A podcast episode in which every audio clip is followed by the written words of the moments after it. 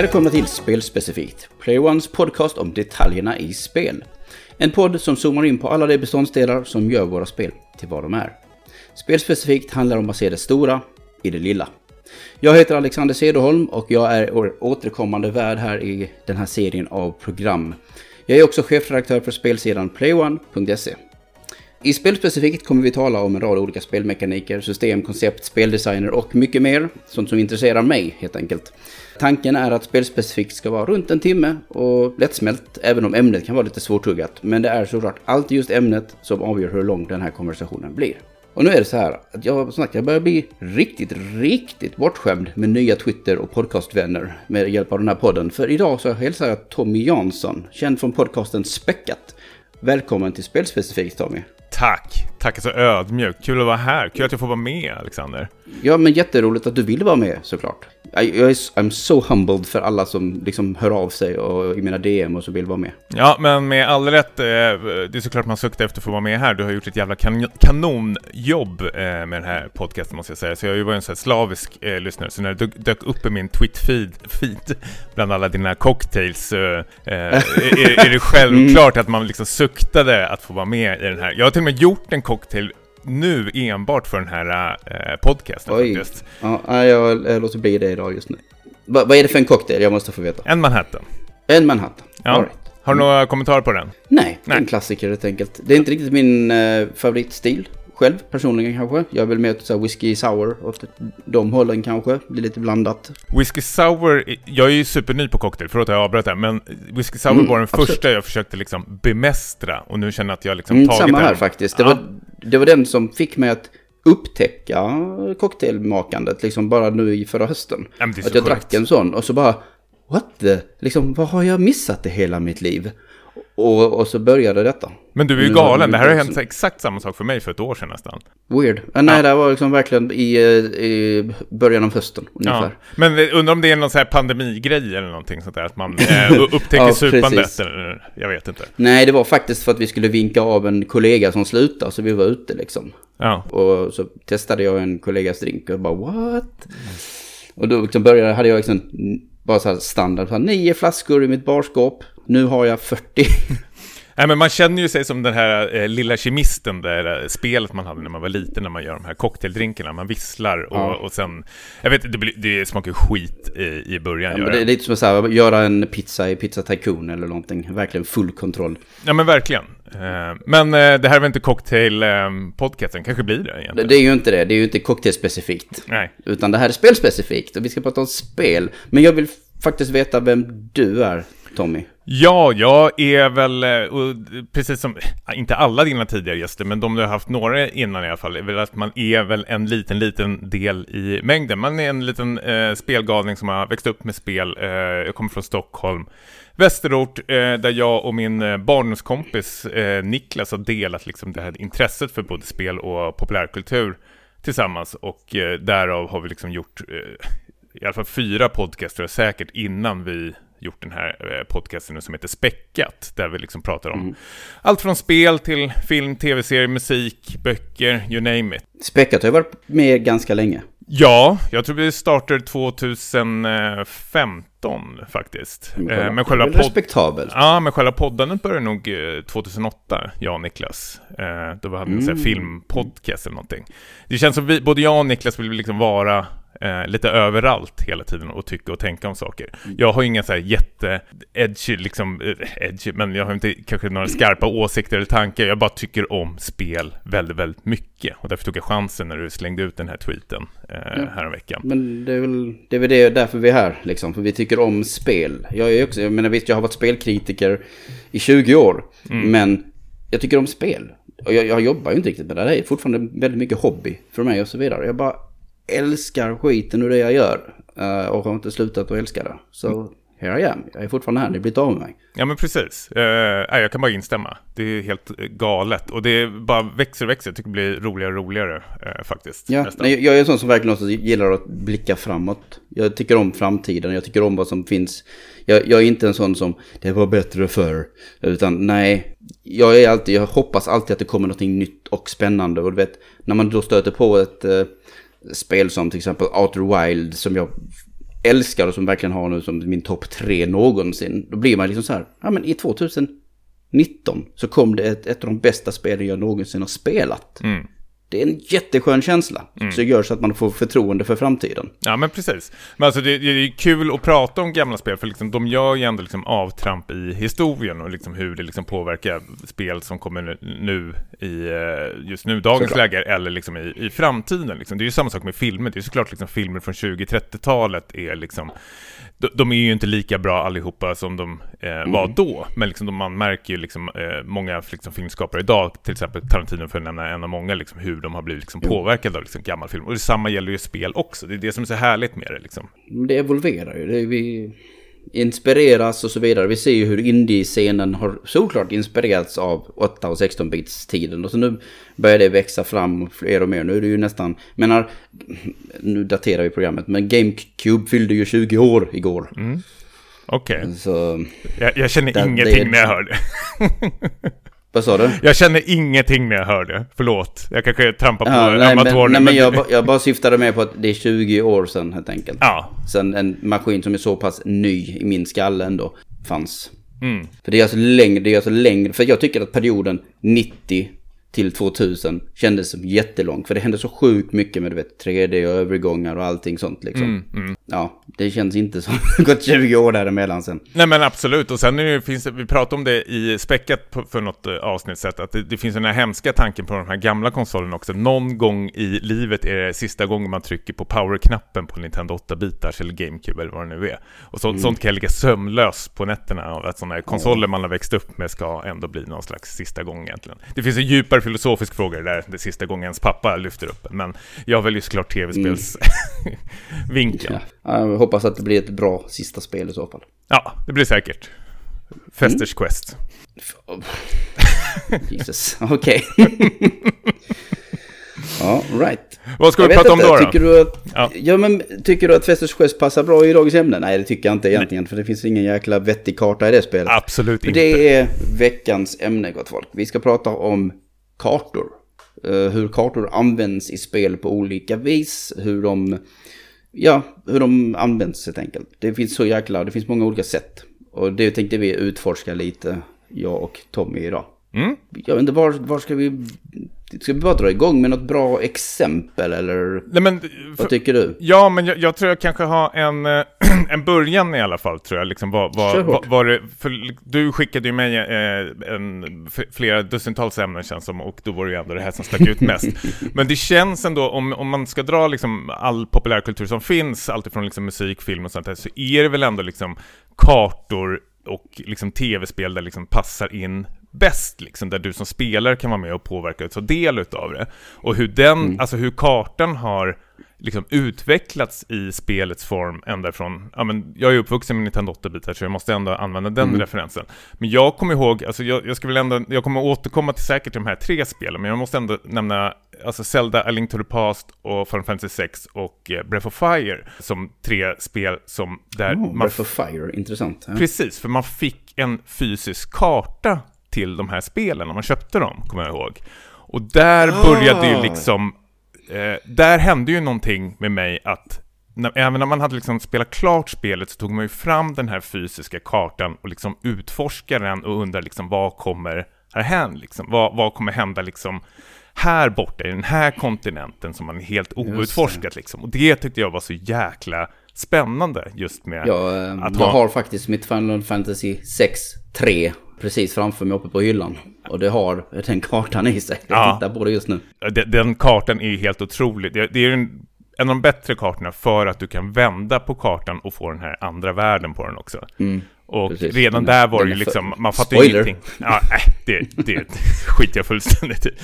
Men Ja, det, men, man, fast man fattar ju inte. Man, man kunde inte ens tänka Nej, sig det det, det som som händer i, i sexan. Nej, det var det som var så himla sjukt att man bara satt och, man hade spelat säkert 20 timmar och man fattade inte vad är den här andra sidan av kartan för någonting. Vattnet är lila och allting är bara helt galet. Kontinenterna liksom bara flyter runt och man fattar ingenting liksom. Sen Mm. liksom när du kommit över den där tröskeln när Kefika liksom tar över så är det så här, ah, wow, och så vänder man den här kartbladet. Mm. Det är så otroligt före sin tid var de. Ja. Nej men det, det är ju intressant. Jag, jag, fan, jag reflekterade ju inte ens över den fysiska kartan. eh, som faktiskt medföljde i gamla spel. Det är en jättekul vinkel du tänkt ut där faktiskt. För Tack. det var ju jäkligt vanligt, precis som att vi nu, du vet, sörjer bristen på spelmanualer till exempel. Ja. Bara så här nu när jag sitter och spelar Tunic så är det bara, åh vad fan, varför finns det inte spelmanualer längre? Nej, men, men hur känner du spontant när, alltså för, för jag, jag kan ändå uppskatta alltså den fysiska ta- kartan som fanns förut. Men jag, jag är nog inte så jätteintresserad, alltså i dagens läge som liksom småbarnsförälder, att liksom rota fram den här fysiska kartan samtidigt som jag spelar. Alltså det skulle inte funka Nej, idag. Jag tänker väl på så här, du vet många, många populära rollspel och typ alltid Mm. eh, Grand Theft Auto brukar komma med en karta fortfarande till exempel. Ja just det, det är fan sant alltså. Men de är, Jag vet inte om femman gjorde det, men fyran vet jag 100% gjorde det. Mm, absolut, och så var det väl små liksom så här Legends-markeringar, eh, kartförteckningar Ja. liksom, som var eh, liksom slarvigt utplacerade eh, överallt. Men liksom, man, man använder ju aldrig den liksom, för att liksom, navigera sig runt ändå, utan det var ju mer en sån här. Jag vet att många så här, folk som hade så här Scarface-posters hemma satte ju även upp den där GTA-posten bredvid. Eh, känns som. Det var där den hamnade liksom, i något eh, sjaskigt pojkrum. Och rätta mig gärna om jag har fel, men eh, Zelda 1 till Nintendo 8-bitar så använde ju jag och mina kompisar när vi spelade kollegieblock, alltså sådana här rut-kollegieblock och försökte liksom Ja, måla ja. upp Mm. hur den här världen såg ut. Ja. För då hade ju inte vi, ja men jag kommer inte ihåg vilken Men det typ- var ju på ett grid liksom, det var ju ett rutnät. Ja men precis, och då fick man liksom rita upp det helt själv. Och där gjorde du din egen karta. Och liksom det är även någonting som vi även inte liksom ser idag i, i dagens spel. Vilket jag inte ser något som en jättestor nackdel, som jag aldrig skulle orka göra det nu. Men återigen, det är ju den här själva utvecklingen, liksom, var det liksom började någonstans. Att man själv satt liksom framför och försökte liksom skissa fram de här kartorna till att man fick en karta och nu får man liksom någon digital karta i spelet. Liksom. Jag Ja, tycker precis, det är nu så är det liksom fascinerande. inbakat. Det, det är likadant som att, du vet, manualens funktion som en instruktör har ju försvunnit på grund av att vi har tutorials. Ja men precis. Så det är, och här har vi samma sak, att kartan försvunnit för den del av manualen och för att det är inbyggt i spelet nu. För det är väl logiskt, för att du ska bara kunna spela spelet utan någonting extra bredvid dig. Du ska inte behöva ett kodhjul eller någonting för att saker ska funka. Ja, men samtidigt känns alltså, nå- något man ändå saknar, som man kanske, nu, nu blir jag lite såhär, att- att- småbarnsförälder, det är det fan värsta som finns, folk som pratar om sina barn. Men ändå, den här, när man var liten tyckte jag det bästa var att när man köpte ett fysiskt spel och liksom man vecklade upp den här spelkassetten och liksom drog ut kartan och manualen och satt och liksom plugga på på vägen hem i baksätet i bilen liksom. Och det är ju sånt jag skulle liksom kunna, eller, vilja liksom dela med till min son eller någonting i framtiden när han blir lite äldre, att man köper kanske någon karta eller manual till något jäkla spel och så sitter man och pluggar på på vägen hem eller någonting sånt där. Alltså det ju, Men det är något lite magiskt visst med är det det? Ehm, Absolut, det skapar en förväntan, det bygger en förväntan liksom. En pepp, Mm. en hype.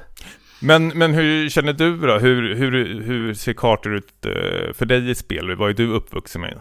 Alltså jag är uppvuxen med samma sak i princip. Ja. Det är 8 bits där liksom kärleken startar på riktigt. Jag hade en Commodore 128. Så jag Mm. vet om att jag hade väl något spel där med några kartor också faktiskt. Men visst, Zelda är väl bland de tidigare. Sen blir det ju, du vet, en, en annan retrokarta som är känd skulle jag säga är ju eh, Super Metroid. Ja.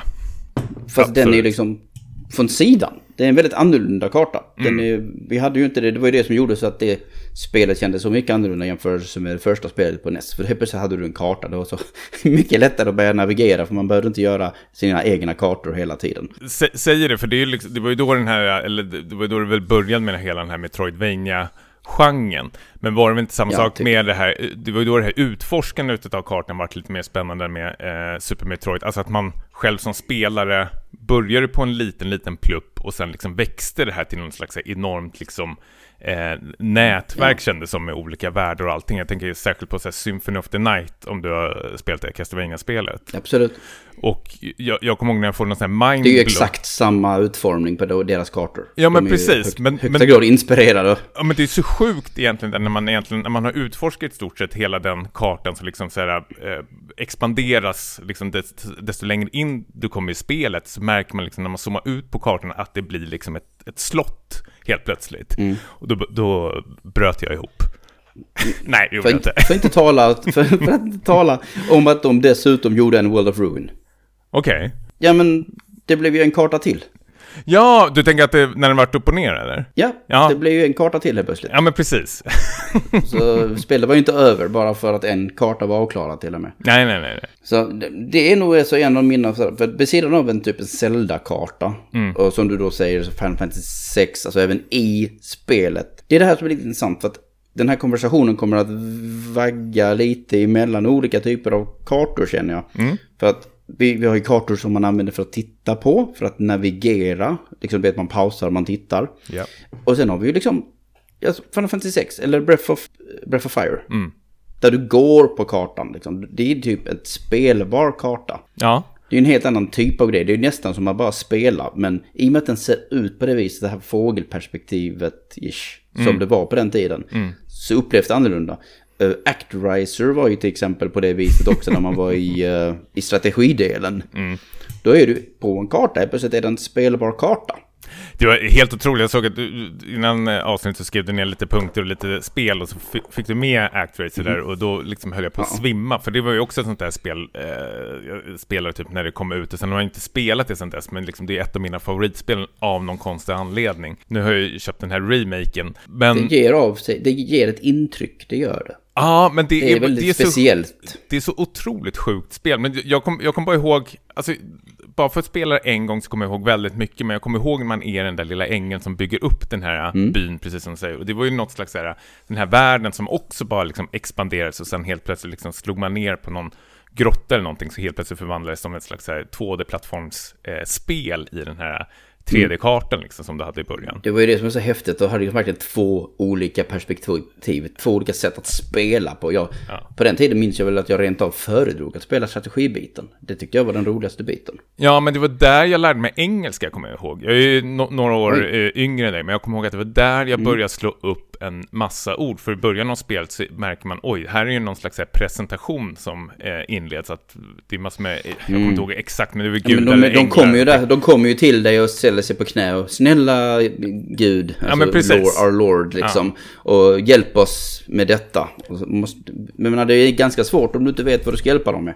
Nej men precis, ja, jag vet det, jag, jag, gillar det väldigt mycket. Det är väl också en sånt där väldigt spel som liksom tar sin, där kan vi eh, kalla liksom så här kreativ frihet liksom. Det gjorde väldigt något nytt, känns som. Eh, Jag har inte sett något liknande faktiskt den senaste tiden. Men inte de, samma studio som gjorde de här Soulblazer senare och allting. Nu kommer jag inte ihåg vad de hette. Det är Quintet. Ja. Och sen har vi ju liksom alltså en riktig klassiker. Om vi då talar om en typ så här gå-karta. Du går på kartan. Alltså det är ju bara så här Super Mario Bros 3. Mm. Och i sen förlängningen Super Mario World. Som verkligen har ett väldigt intressant modifierbar karta. Med många utgångar och ingångar och uppgångar. och du vet den förvandlar sig och morfar. Den är ju extra... Jag, jag saknar ett spel idag som gör det. Jag tror jag snackade lite om detta i ett mycket tidigt avsnitt av spelspecifikt. Men jag, jag, jag saknar liksom den här overworld-kartan som dessutom är väldigt morfande. Precis, jag, jag vet exakt vad du menar, för jag vet att både Super Mario World och Donkey Kong Country hade det, som var väldigt tufft, att det fanns hemligheter i de här banorna, vilket gjorde att om man löste dem så liksom låstes den här äh, kartan upp ännu mer, att du kunde hitta genvägar eller till de här spökhusen eh, eller något liknande. Vilket du, du lärde dig, desto mer du spelade, att du, de här röda plick, prickarna var det väl i Super Mario World, då visste man, okej, det finns två styckna utgångar på den här banan, vilket var helt så här otroligt när man eh, upptäckte det första gången. Ja, för det är ju liksom tyst berättande. Ja, alltså tyst precis. instruktion. Det är ju... jag vet inte om jag skulle säga att det är bra och smart, tydligt band eller speldesign. Det är det nog inte egentligen. Men den är ganska, som du säger, belönande där man kommer på att ah, det är det det står för. Det är därför den är gul och den är röd. Mm. Ja, men för, för liksom själva spel, när man var ung spelare så hade man ju så mycket mer eh, uthållighet alltså för sådana här saker, kommer jag ihåg. Alltså, det är som du säger, idag hade jag ju inte pallat med det alls. Jag hade ju ninja-googlat på två sekunder om jag satt fast på sånt här skit. men det var ju så otroligt belönande när man liksom kom på hur man liksom så här, eh, ja men precis som du säger, någon så här tyst liksom så här eh, ledtrådar man fick liksom utströsslade över sig där. Eh, utan att liksom bli skriven på näsan hela tiden. Det var ju helt otroligt. Mm. Så var det ju förr. Men jag vet inte riktigt om jag tycker eh, så Donkey Kong Country som du sa. Det, det fanns ju hemliga gångar och sånt. Men mm. den, den, eh, den förvandlade sig inte på samma sätt har jag för mig. Som typ Super Mario World. Det är verkligen, du vet, där växer ju, växer ju kullar och backar och liksom saker växer fram och in och ut och allt möjligt. Det är liksom, den är så jäkla den är så sjukt ambitiös. Mm. Men jag för mig Donkey Kong Country 3 i alla fall hade någon slags extra nivå man kunde hitta. Ja, men jo, men det hade du ju. Alltså det blev väl sina motsvarigheten till Special World egentligen. Precis. Super World. Alltså ja. någonting sånt. Som en extra värld. Men varje element i kartan i Super Mario World höjer och sänker sig och byter färg och lite allt möjligt. Liksom. Det händer grejer. Ja, men det, den är, ja. den, det märks att man tar sig igenom den för den, liksom, den ändrar sig efter att du plöjer igenom den. Mm. Nej, men den, den är helt otroligt, både färgsättningen eh, på kartan och hur man jobbat med liksom djupet i, i kartan för att vara liksom ett 2D-plattformskarta, om man ska liksom hårdra det, mm. liksom, så har man gjort ett väldigt så här, eh, kreativt jobb med, eh, vad kan man säga, kalla det för, liksom höj, höjdkurvorna, nivåkurvor egentligen i, i ja, spelet. Men jag, för, liksom. ja, men jag förstår vad du menar. Jag älskade att typ rita sådana. Älskade att rita sådana typ backar eller sådana liksom ödelar som sticker upp ur vattnet högt upp och sen är landmassan och så vidare. Mm. Eh, något... Vet du vad vi kallar sånt? Vi kallar sånt ikoniskt. Det är det. Okej. Okay, den, den, den, den kartan känner man igen överallt. Jo men det gör man, absolut. Eh, och den har ju satt eh, avtryck. Någonting som jag, om jag ska bara röra eh, framåt lite, tänker på är mm. väl, vi pratade lite om eh, inom den här fysiska kartformen, som även liksom har försökt hitta sin plats i en så digital form. Alltså att du som liksom spelare mm. håller i en fysisk eh, karta. Och jag kan ju se, en säga det... En diegetisk karta typ. Ja men precis, alltså att, den här, att ja. spelkaraktären tar upp en karta som liksom vi som spelar liksom mm. ska navigera med, med, Och vi har ju skrivit ner mm. några exempel som Firewatch och eh, Far Cry 2. Eh, mm. Spontant, vad, vad, hur känner du för de här? Jag har spelat väldigt lite av Far Cry 2. Eh, däremot så har jag hört mycket om Far Cry 2 och ja. vet liksom vad det gjorde. Och jag vet ju också om att Far Cry 2 inspirerade Firewatch. För att det, det var ett par, de som var i Campo Santo, mm. de satt och gjorde en podcast. och de pratade non-stop om det här spelet i alltså 6-7 år. De var så jäkla smitten kitten med Far Cry 2. Okay. Ja. Eh, och älskade det här med hur mycket liksom, saker var i världen och hur det påverkade och så vidare. Och det andra spelet som jag också hade på listan, det är också någonting som påverkade Camposanto. Och det är då Mias Mata. Mm, där får du berätta lite mer om det. Mm, det är... Uh, nu var jag, ska se om minnet kommer ihåg rätt. Men grejen är att Mias Mata är ett spel där du har en karta. Men du vet inte, tror jag för mig, för du vet inte vad du är på kartan mm. till att börja med. Men du får helt enkelt använda triangulering för att ta fram vem, var du är. Det är ganska komplext. Okay. Eh, men det är också ett spel som de blev väldigt jätteimponerade av. Och det är en mix av det som gjordes. Så bland annat Firewatch fick den här interaktiva kartan. Att du vet att man sätter en anteckning. Om man helt plötsligt gått på något ställe så börjar man sätta anteckningar och vet om att nu är det, det här är detta och så vidare. Mm. Den, den kartan utvecklar ju sig genom att Henry sätter små ja, kludd, kluddar och anteckningar på den. Yes, för jag har provat Far Cry 2 eh, som hastigast och, och, och jag har spelat igenom Firewatch eh, och jag uppskattar väl dem för vad de försöker göra, men jag tyckte det kändes någon slags klumpighet eh, med de här kartorna. Alltså det här att man har en karta som liksom man tar fram och så håller man den framför skärmen samtidigt som den här huvudkaraktären ska gå och navigera runt sig. Mm. Det, det klickade inte riktigt för mig. Men samtidigt måste jag säga, alltså en av mina favoritkartor genom tiderna, det är ett av mina favoritspel också, det är ju Silent Hill 2-kartan. Eh, och det påminner lite om mm. Firewatch-kartan, att du spelar den här huvudpersonen James som tas in i Silent Hill och ska leta efter sin fru. Men det han får är ju liksom en övergripande karta över Silent Hill och säger typ nu måste jag gå till sjukhuset. Men det som händer på vägen är att liksom det kanske är en låst dörr, det kanske är liksom barriärer i vägen och då börjar han liksom anteckna på den här kartan och även liksom så här mm. ledtrådar till pussel. Så hela liksom kartan blir i slutändan liksom ett anteckningsblock även för honom. Och liksom hur det växer liksom samtidigt som James psyke också liksom blir mer liksom labilt så är det väldigt så här coolt liksom sett hur liksom kartan liksom eh, representerar liksom hans välmående genom hela spelet också. Vilket jag tycker hans välmående.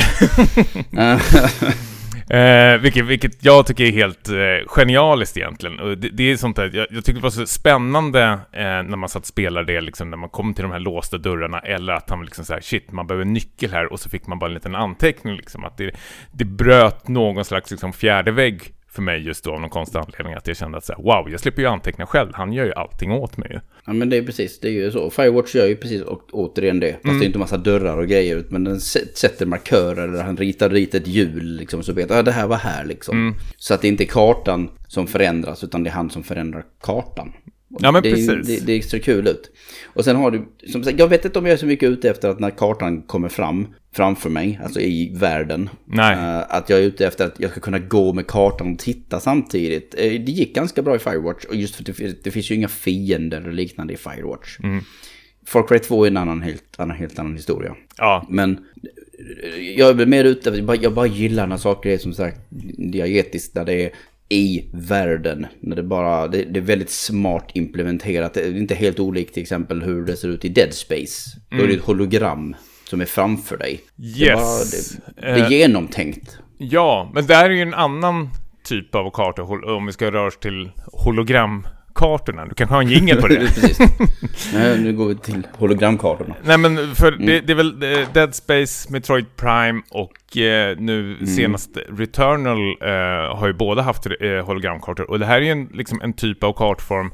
Jag kan, jag kan inte minnas vilket spel som var det första jag spelade som hade det här, men som jag liksom avskydde verkligen till en början, men nu verkligen omfamnar mm. jag eh, som bara den. För liksom själva hologramkartan för mig har nästan blivit ett pussel hur man ska liksom leta efter liksom hemliga gångar. Om det är ett väldigt bra eh, sånt spel. Men så fördelen med hologramkartan är ju att den är en fullständig 3D-karta i princip. Du kan verkligen avläsa höjdskillnader och liknande. Eh, ibland så är det jättesvårt att avläsa, avläsa en höjdskillnad. Jag mm. spelade, vad var det för år sedan, så spelade jag Control. Jag är inget fan av den kartan, varken hur den plockas fram eller hur den tolkas. Mm. Jag har inte spelat kontroll, så du får jättegärna se. Nej men alltså det är bara, den är ju rakt uppifrån. Mm. Och det är väldigt svårt att avgöra, när byter jag våning, hur byter jag våning, vilket ah. är en trappa? Ah. Sådana saker, jag, jag gillade inte den alls. Och sen så var det bara att trycka på en knapp och så ryckte det till lite dessutom när den skulle komma in i bild. Precis som alla dokument som man läste, de var inte alls in i världen liksom, fast de var skitsnygga. De, de var inte så bara text på, på en ruta, utan det var verkligen dokument som man kunde läsa. Ja. Som var liksom så här, nästan skannade. För, för sånt där kan vara livsfarligt tycker jag ibland när de ska ha kartor, när det kan vara dungeons eller liknande, när det är liksom våningar på kartan om man ska bläddra igenom de här, R, oftast är det R2 och R1 och liksom du ska navigera dig mellan våningar. Uh, är det inte typ så klassiska exempel är väl typ såhär Ocarina of Time, de här vattentemplet till exempel. Det är så 40 våningar känns som och jag bara kastar ja, ja. Och, och så är det en platt karta liksom. Ja, jag blir, jag blir tokig. Jag blir tokig jag får sånt här. Blev du, blev, du, blev du upprörd över vattentemplet i Ocarina of Time? Detta har jag aldrig hört talas om tidigare. Hänt extra. Jag har aldrig hört någon beklaga sig över detta faktum. Men det, det, är väl, alltså, och där vet jag inte liksom hur spelskapare liksom, hur, hur det liksom så går igenom egentligen. Är det att de själva tycker det här är kul? Äh, för fan alltså, det är värsta jävla skiten som finns. Just nu spelar jag uh, Everybody, eller fan heter det här? Uh, Nobody Saves the World heter det. Jaja. Som du också har en mm. övergripande karta och så går du in i Dungeons. Men där gör de ju så bra att om du ska liksom trycka på de här R1 och R2-knapparna så liksom ser du tydligen liksom vart du går in någonstans och vart du kommer ut någonstans. Alltså du tas, där markören står så tas du till liksom nästa nivå, att det synkroniseras i liksom koordinaterna och då är det väldigt lätt att liksom navigera mellan de här platserna faktiskt. Men med vissa andra spel, liksom, om du tar den här trappan, då kanske du kommer till någon av de här fem trapporna på nästa våning och man har liksom ingen aning alls liksom. Men vi pratade lite mer om så här hologramkartor också.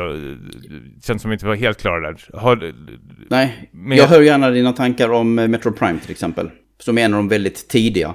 Ja, men jag tycker både Metroid Prime och Returnal gör det så otroligt bra att det, det är den här mystiken att, rätta mig om jag är fel, nu var det jättelänge sedan jag spelade Metroid Prime, men där är väl samma sak att när du kommer in i ett nytt rum så liksom låser väl upp kartan just för liksom det här området, att det blir det här 3D eh, mm. liksom hologramområdet som du liksom är superintressant att liksom öppna upp den här kartan, vrida och vända som någon slags här, Rubiks kub och tänka så här, vad fan, kan jag komma mm. in här eller liksom, vad för plats här? Okej, jag kan bli en boll här liksom. Det, det, det blir... Det är väldigt, det är väldigt uh, tubigt. i Metroid Prime. Pussel för sig, vilket jag liksom uppskattar väldigt mycket under senare tid, liksom, eh, vilket jag inte gjorde alls innan det liksom introducerades i, i spel. Men nu tycker jag om det jättemycket faktiskt. Ja, men jag tror väl att i grund och botten är det ju en 3D-karta. Mm. Och det gör ju så att den, det är en förenklad version av den miljön du är i.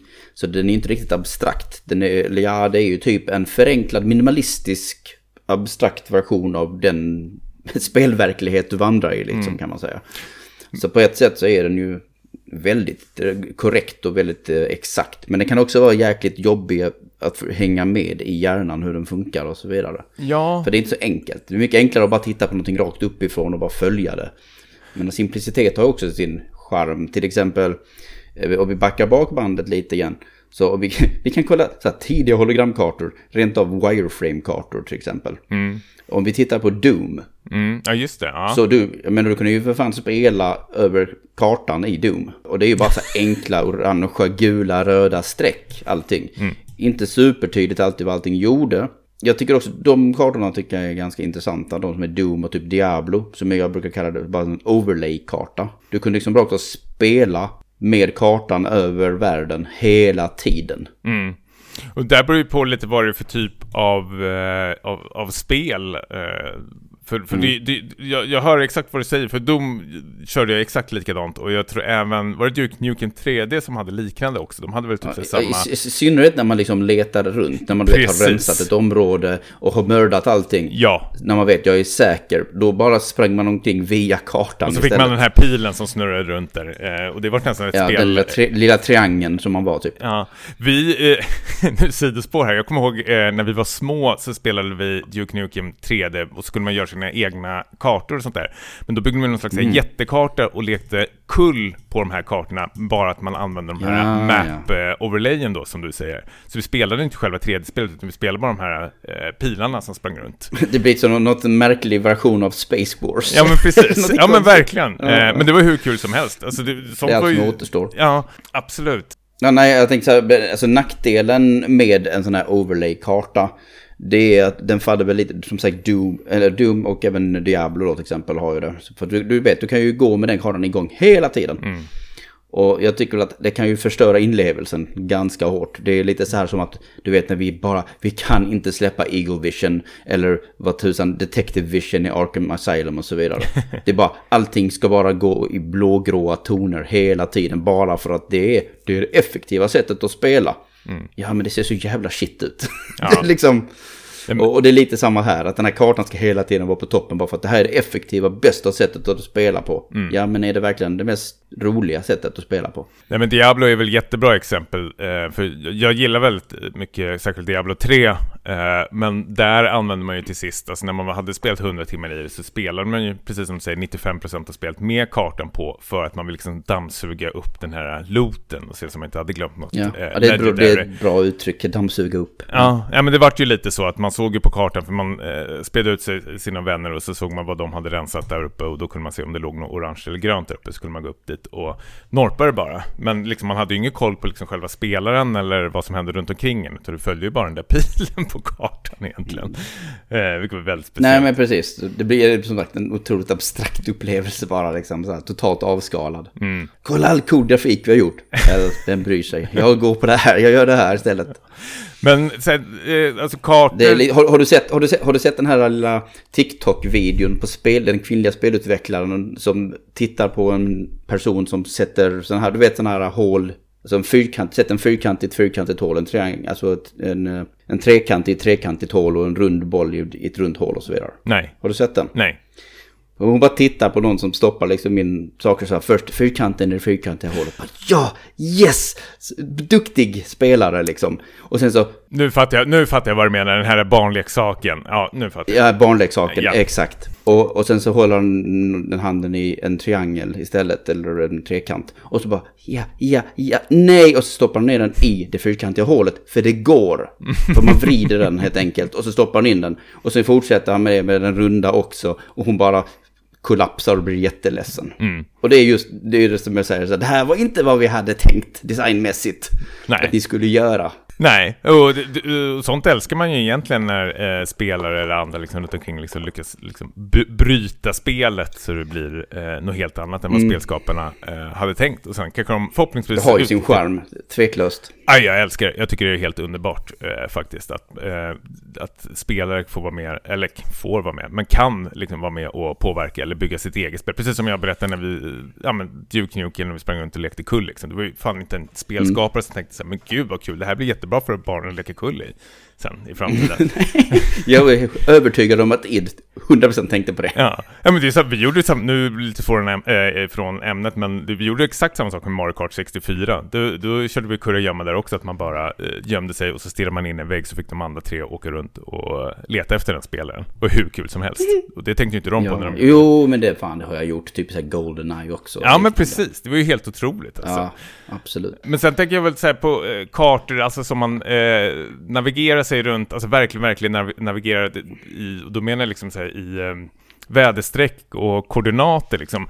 För mig liksom slog det till när jag spelade PubG för första gången att det, det fick, mm. alltså själva kartan fick en liksom en ny liksom, vad ska man säga liksom, en, en, en, en nytt liksom utnyttjande liksom hur, hur, spelarna kan använda den, sätta ut markeringar, prata liksom zoner, eh, vad är det, kompass, eh, alltså väderstreck, det var, det var helt sjukt egentligen. Och plus att man började liksom plugga in den här kartan, kommer jag ihåg att jag och mina kompisar gjorde. Det är en väldigt, det är en väldigt strategisk och taktisk ja, karta. Ja, men du börjar liksom namedroppa liksom, såhär, städer som inte ens finns i verkligheten. Såhär, ja, men vi droppar i Jasnaja och sen drar vi till eh, Pachinko eller någonting, vad de hette liksom. Pachinko!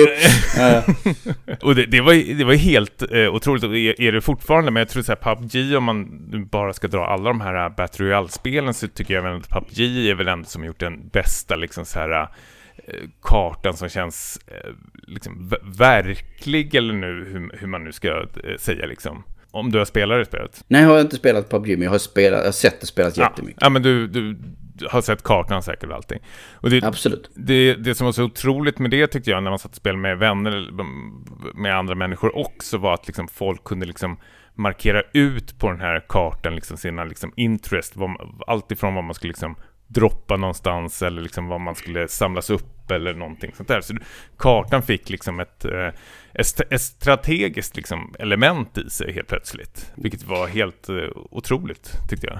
Absolut, jag håller med. Ja. Nej, men det, det, finns en anledning varför de var med på listan. Ja.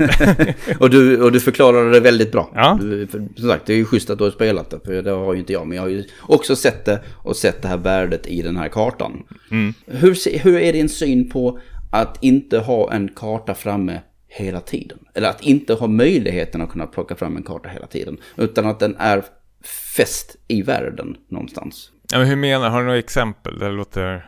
Eh, om, jag inte, om mitt minne inte missminner mig så ja. är Dead Rising på detta viset bland annat i Willamette Mall. Ja! du måste verkligen gå till en vägg ja, och okay, hitta ja. det. Mm. Du måste liksom hitta en plats där kartan finns. Nej. Och sen försöka memorera skit. Ah. Och sen så ta det istället. Alltså jag, jag, jag är en sucker för eh, orientering överhuvudtaget. Alltså sport, sporten orientering. Ja, det, det är typ den ja. enda sporten som jag älskade när, när jag var liten.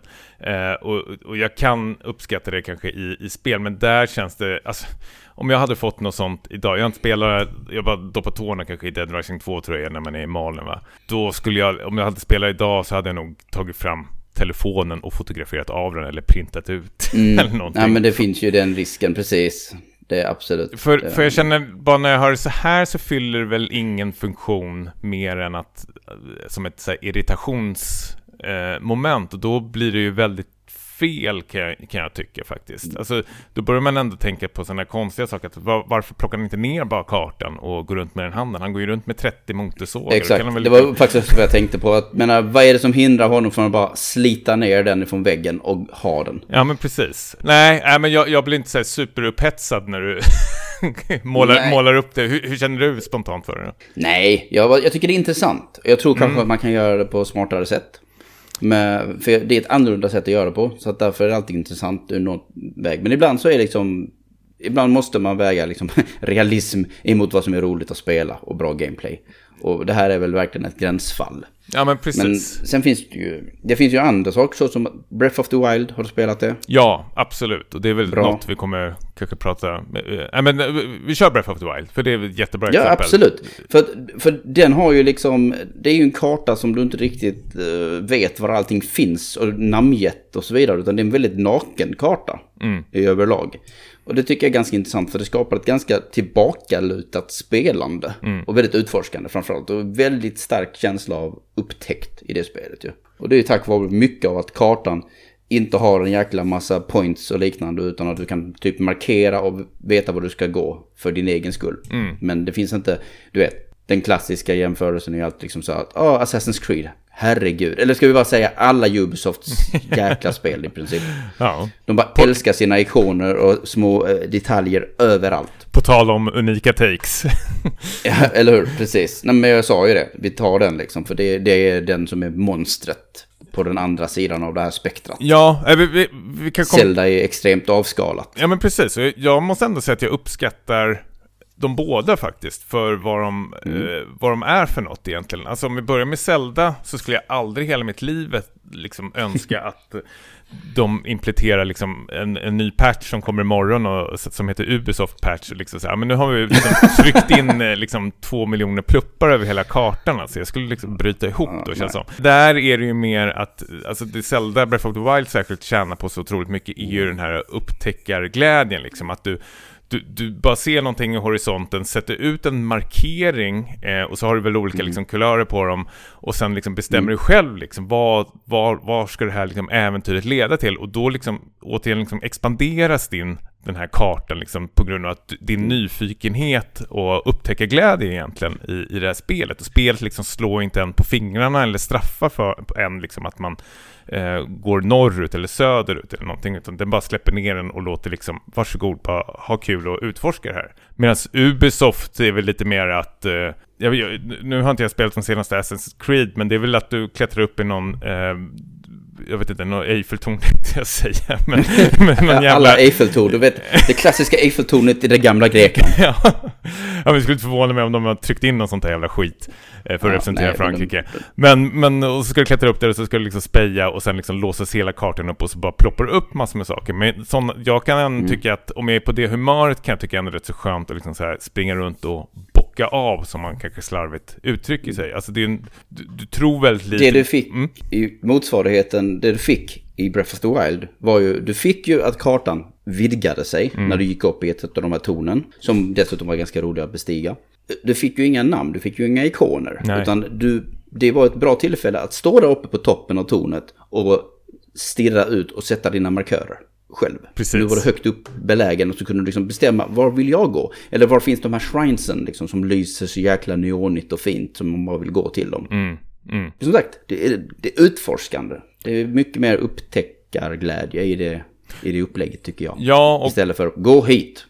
Ja, men det, det, finns här. Det är det ju. Och där, där har det liksom så här mycket med humöret eh, att göra. Och jag tycker att det är bra att båda typer av spel finns. För ja, då har folk något Absolut. att välja mellan. Eh, och sen vad man föredrar, det är en helt annan sak. Det, det, var ju, det var ju normen hur länge som helst. Det var bara Ubisoft, Ubisoft drog ju det till sin, till sin spets. Men det har ju funnits i, i Infamous och Prototype och alla de här spelen. Ja, men liksom, absolut. På det sättet. Eller ditt Skyrim. Alla har ju det här i princip. Mm. Så, men så började några få nog. Och så blev det lite mer minimalistiskt.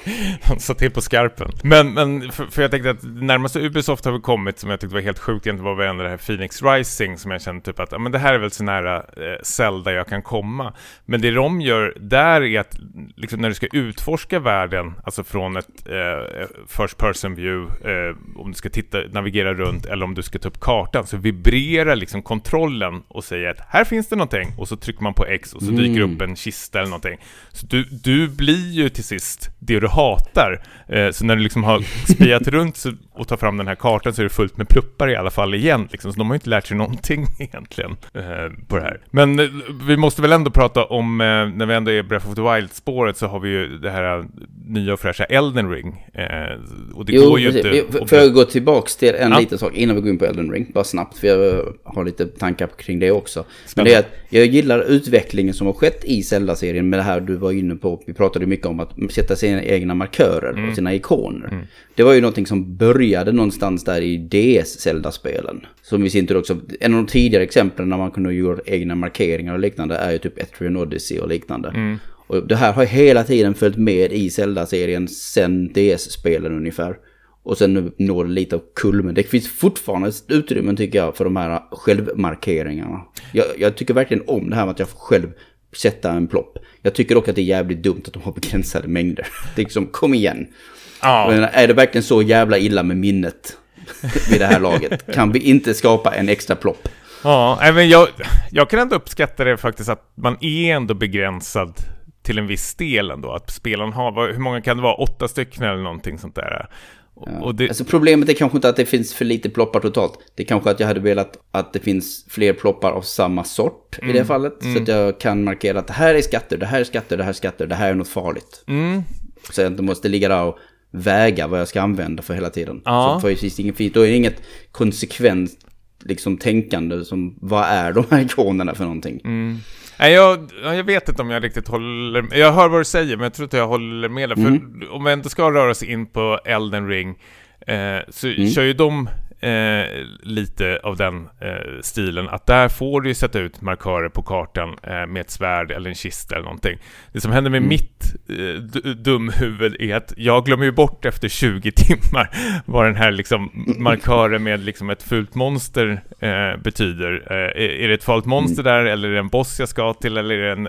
Alltså förstår du vad jag menar? Alltså då börjar liksom hela min fantasi liksom Du måste skapa din egna interna logik. Ja, ja men precis, men, men i slutändan så slutar det med Elden Ring att jag skiter i de där och eh, sitter och antecknar vid, vid sidan om istället. För att liksom jag, jag Mm. kommer inte överens över hur den här eh, Elden Ring Legend ser ut. Och där, kan, där är det ju så otroligt viktigt för mig liksom att du, jag, jag ska kunna titta på en bild och liksom fatta vad det är. Det är såklart jag fattar att en kista är en kista, men sen har ju liksom Elden Ring liksom, hur många har de? De har rätt så många, det känns som nästan så här 15 pluppar man kan välja mellan. Och jag blir lite så här, Mm. passar, passar kistan in här eller passar den här stjärnan in här för det är kanske Mm, lite mer... ja, den har jag också känt många gånger. Ja, men precis. Inte i Elden Ring, men i andra spel. Bara, vad ska jag använda? Vad är det mest logiska? Och sen så som du säger, till slut så glömmer man bort det logiska.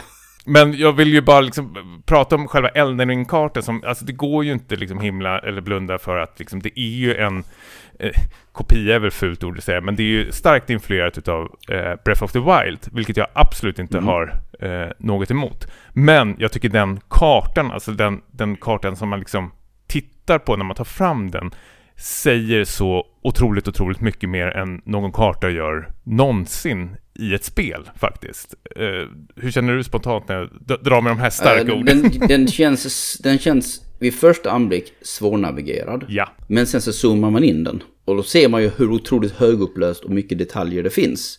Och återigen, vi har Zelda-grejen här. Det står inte vad saker är i överlag. Så den är ganska ren. Den, är, det går precis förbi mitt här, godkännande kanske om någonting jag inte gillar. Och det är typ en, den lata kartan. Som i princip bara är utvecklarna som har skapat någon typ av enkel JPEG. Och sen är det kartan. Jag föredrar oftast någonting som ser ut som ett, jag vet, ett grid. Eller svart på vitt. Eller, alltså bara väldigt tydliga kontraster.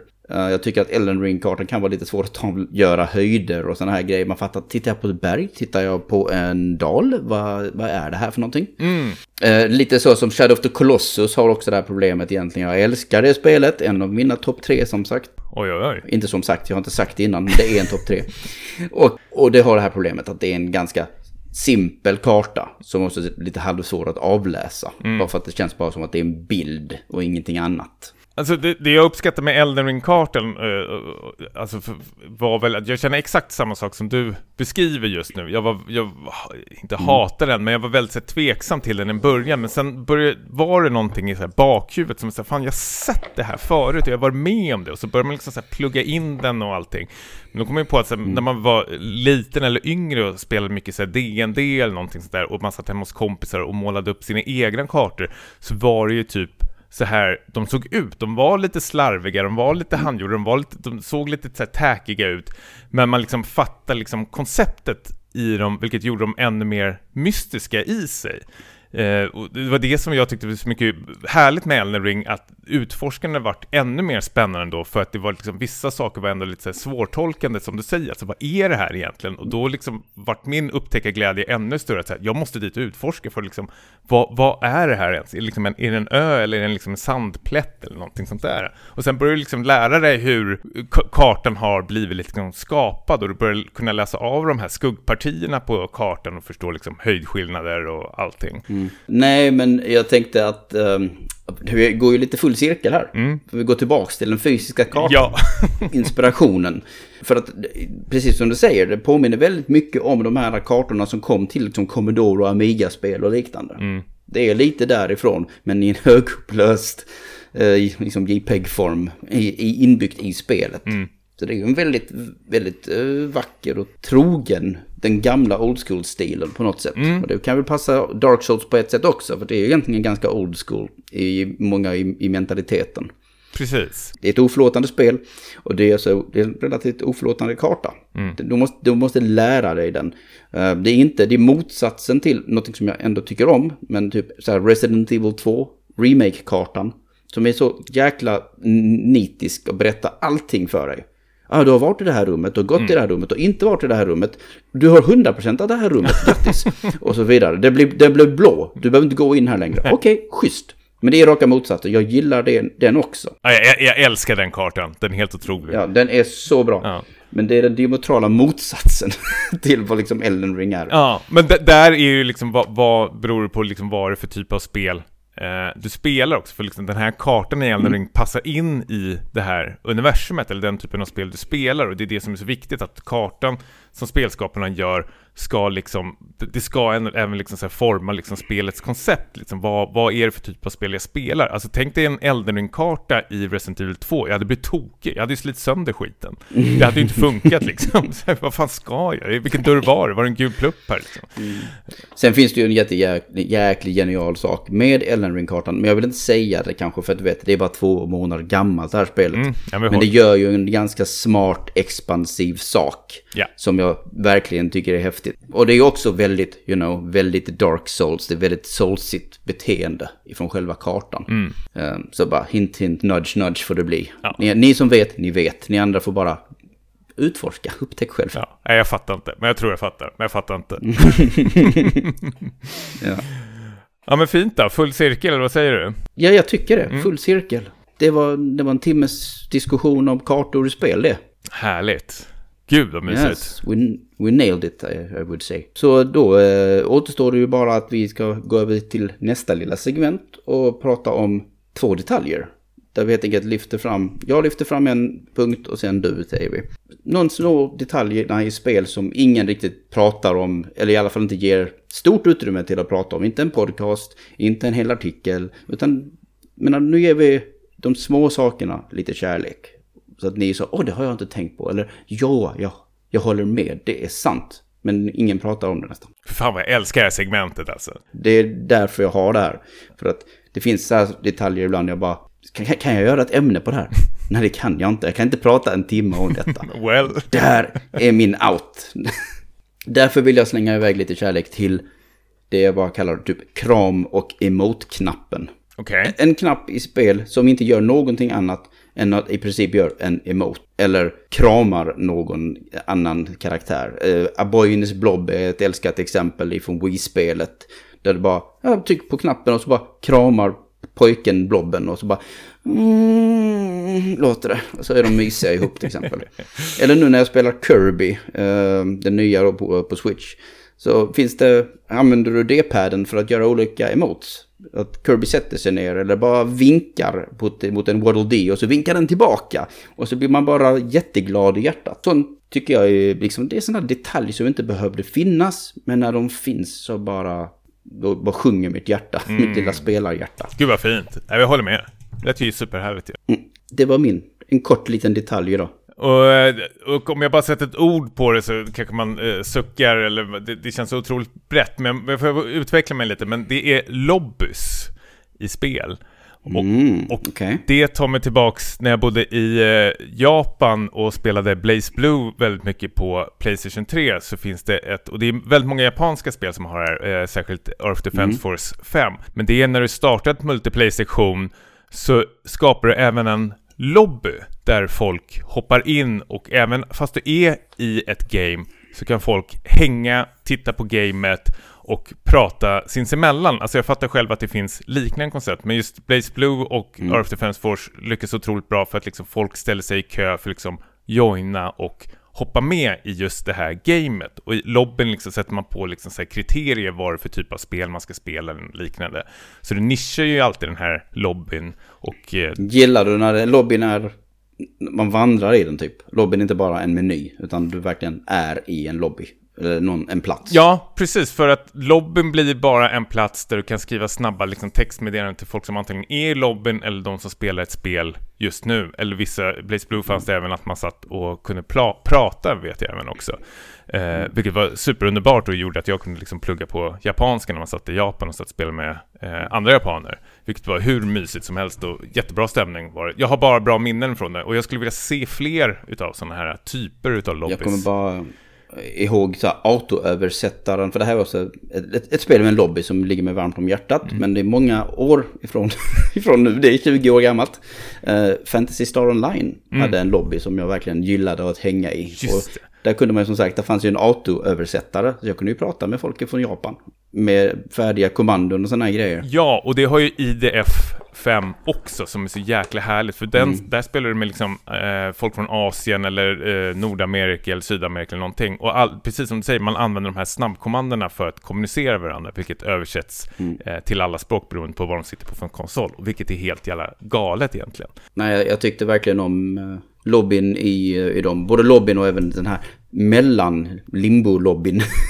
som fanns i Fantasy Star Online som var inte liksom huvudlobbyn utan det här med när man gick och vandrade och väntade på att man skulle skickas ner till planeten. Och så kunde man gå och köpa liksom Ja. eh, hälso-items och liknande.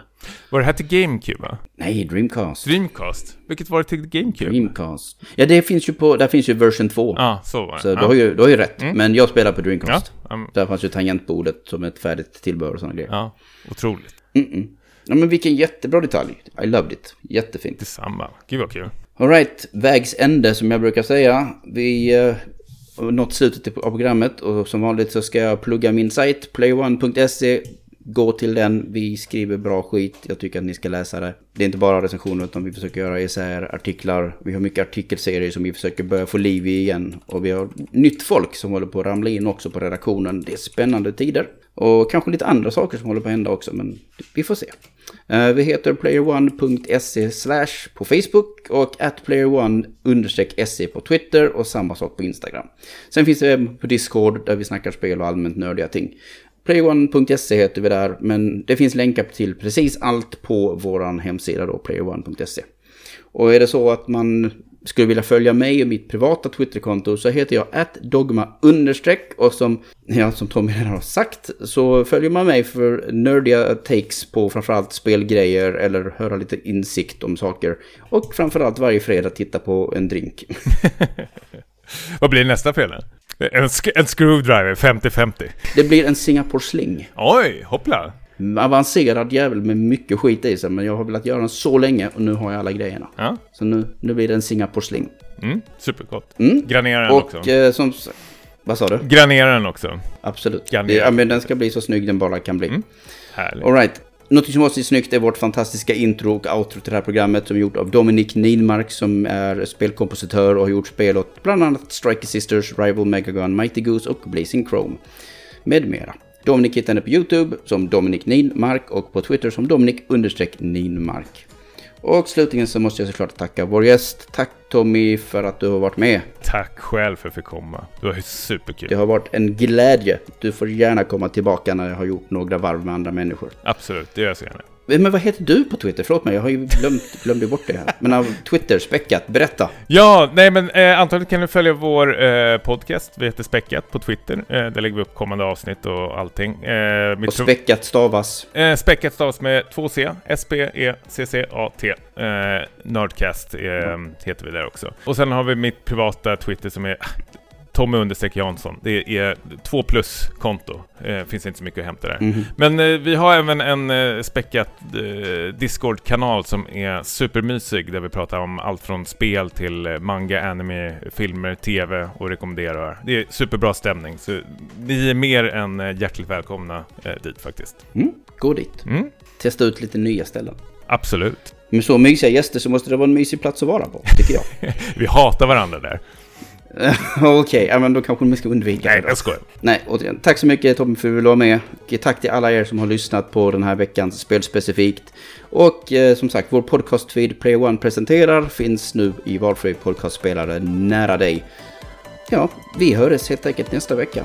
Och glöm aldrig att se och uppskatta det stora i det lilla.